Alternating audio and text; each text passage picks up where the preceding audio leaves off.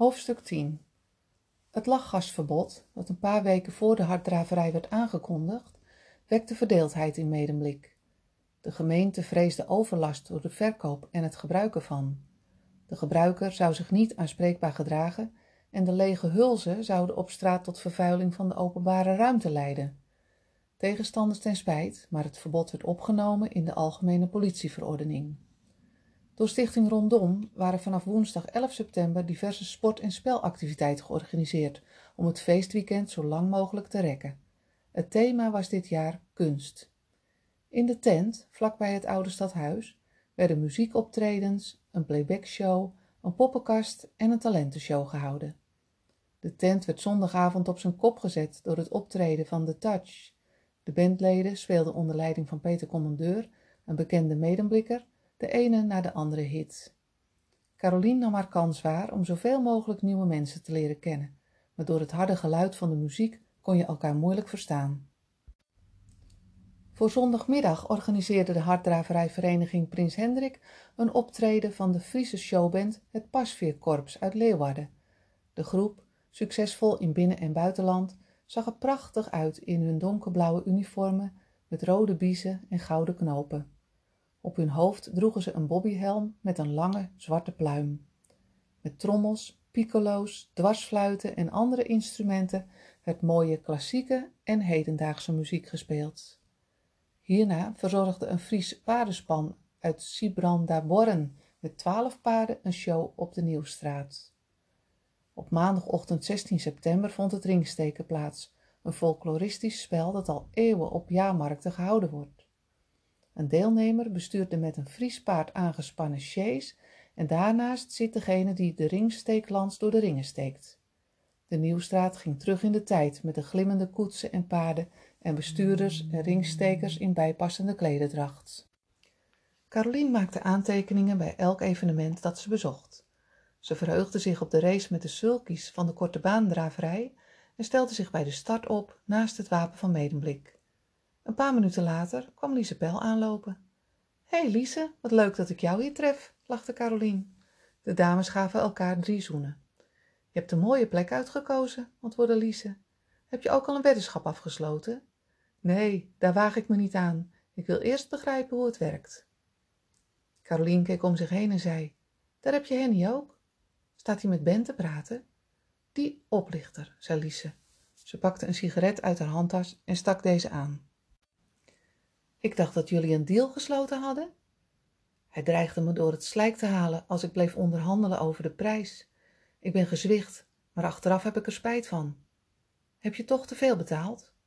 Hm, dat denk ik niet, maar ik heb de indruk gewekt dat ik chantabel ben. Dat zit me dwars. Ze trok haar bordeauxrode jas uit en hing deze over een dranghek. Uit haar zak pakte ze een roze tabletje dat ze in Caroliens hand drukte. Wat is dit? Sst, fluisterde Lise. We gaan straks lekker los. Neem er ook een. Ze gaf Caroline een flesje water. Wat is het eigenlijk? Gewoon een onschuldig ecstasy-pilletje. Ik wil het wel proberen, giechelde Caroline. Ze stopte het pilletje in haar mond en spoelde het weg met een slok water. Dit wordt een memorabele avond, grinnikte Lise. De aandacht van het publiek werd getrokken door twee sulkies met prachtige renpaarden ervoor. Hun vacht glom en ze stonden te trappelen om te starten. Uit een luidspreker klonk een monotone stem. Klaarmaken, op uw plaatsen, 1, 2, 3, af. Daar gingen ze. Het was een wirwar van paardenbenen, draaiende wielen en opspattend zand. Door de luidsprekers klonken de enthousiaste aansporingen van de commentatoren. Het publiek achter de dranghekken joelde en klapte. Henny liep op Lise en Caroline af. De man van de tunnel, smaalde Lise. En de beste kok en de knapste man van Medemblik, ga zo maar door, zei Henny haar toon negerend. Hoe gaat het met mijn aanvraag? Welke aanvraag? vroeg Lise scherp. De tunnel natuurlijk. Nee, dat wordt niks. Het project is veel te duur, lachte ze geraffineerd. Ik heb een goed woordje voor je gedaan, omdat je een strak kontje hebt, maar de leden van de gemeenteraad voelen meer voor een brug. Henny werd bleek en krabde op zijn achterhoofd. Je zei vorige week iets anders.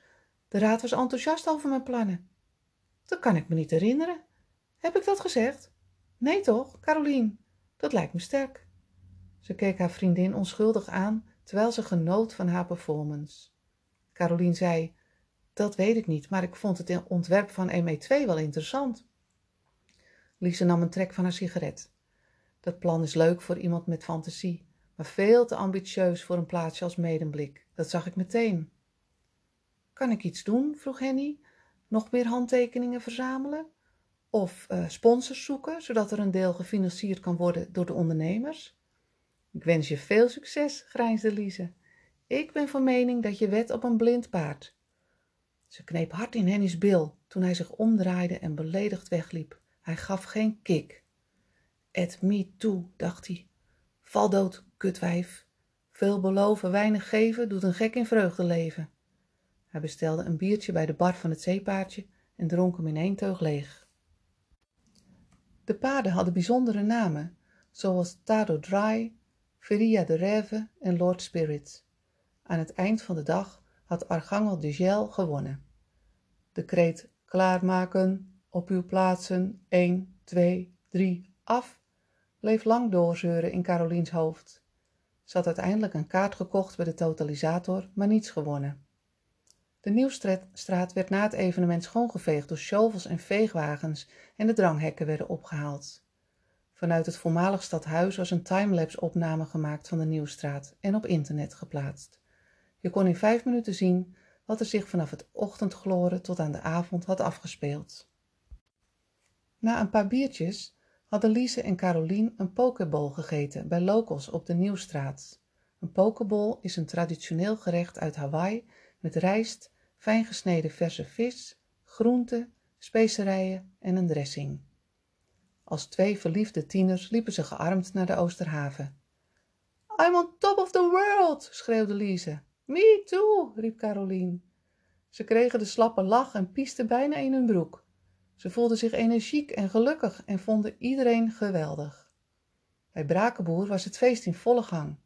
Er stond een band op de ponton en om negen uur zou er vuurwerk zijn bij het havenhoofd. Lachend en schreeuwend gingen de dames op in de menigte die zich voor het café verzameld had. De afkeurende blikken van een aantal mensen ontging ze, maar daar zouden ze zich toch niks van aangetrokken hebben.